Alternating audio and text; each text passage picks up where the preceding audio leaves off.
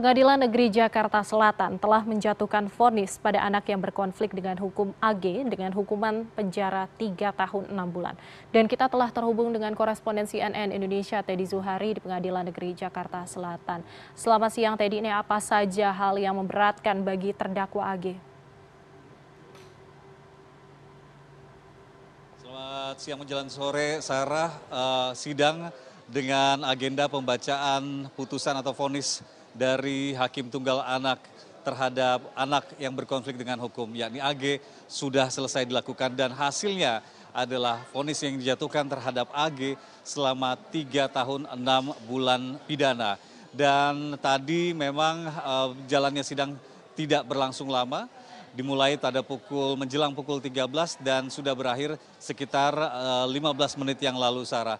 Dan uh, dalam proses uh, sidang tadi Hakim Tunggal Sri Wahyuni Batubara menyebutkan beberapa hal yang kemudian sebagai acuan kenapa diberikan putusan tiga tahun enam bulan penjara bagi terdakwa anak yang berkonflik dengan hukum yakni AG. Hal yang memberatkan adalah anak korban sampai saat ini masih berada di rumah sakit dan mengalami kerusakan otak yang cukup berat.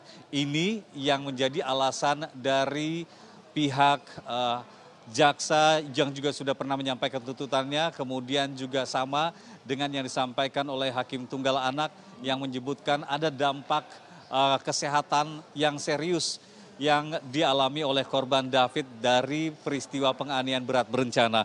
Kemudian hal yang meringankanlah uh, terdakwa anak yang berkonflik dengan hukum yakni AG ini masih berusia belum 17 tahun, usia masih 15 tahun, diharapkan bisa memperbaiki dirinya dan punya cita-cita yang bisa diraihnya. Kemudian juga disebutkan bahwa terdakwa AG, anak yang berkonflik dengan hukum ini mengakui menyesali perbuatannya.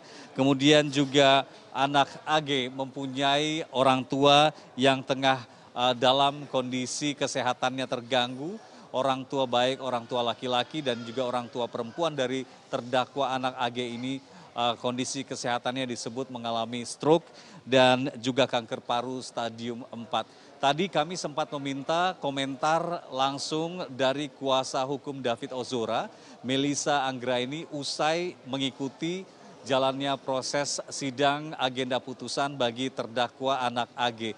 Tadi disampaikan oleh uh, kuasa hukum dari David Ozora, Melisa Anggra ini yang menyebutkan bahwa walaupun putusan vonis oleh Hakim Tunggal Anak uh, lebih rendah dari yang disampaikan sebelumnya oleh jaksa penuntut umum selama empat tahun pidana, dan uh, kita tahu bersama bahwa hasilnya tadi hanya tiga tahun enam bulan penjara pihak mewakili pihak keluarga korban David Ozora.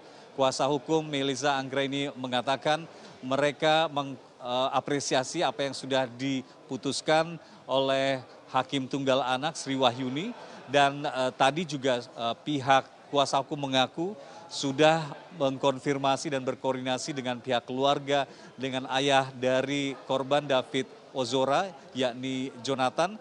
Uh, mewakili pihak keluarga sekali lagi tadi pihak kuasa hukum dari David Ozora menyebutkan bahwa mereka mengapresiasi apa yang sudah diputuskan oleh Hakim Tunggal Anak Sri Wahyuni Batubara. Namun ada catatan memang yang disampaikan oleh Melisa Anggreni sebagai kuasa hukum dari korban David Ozora melihat perkembangan atau dampak dari kesehatan yang dialami oleh David Ozora hingga kini di mana kondisi memorinya ini yang uh, berubah 180 derajat, belum ada komunikasi dua arah yang bisa dilakukan oleh korban hingga 50 hari dirawat di rumah sakit.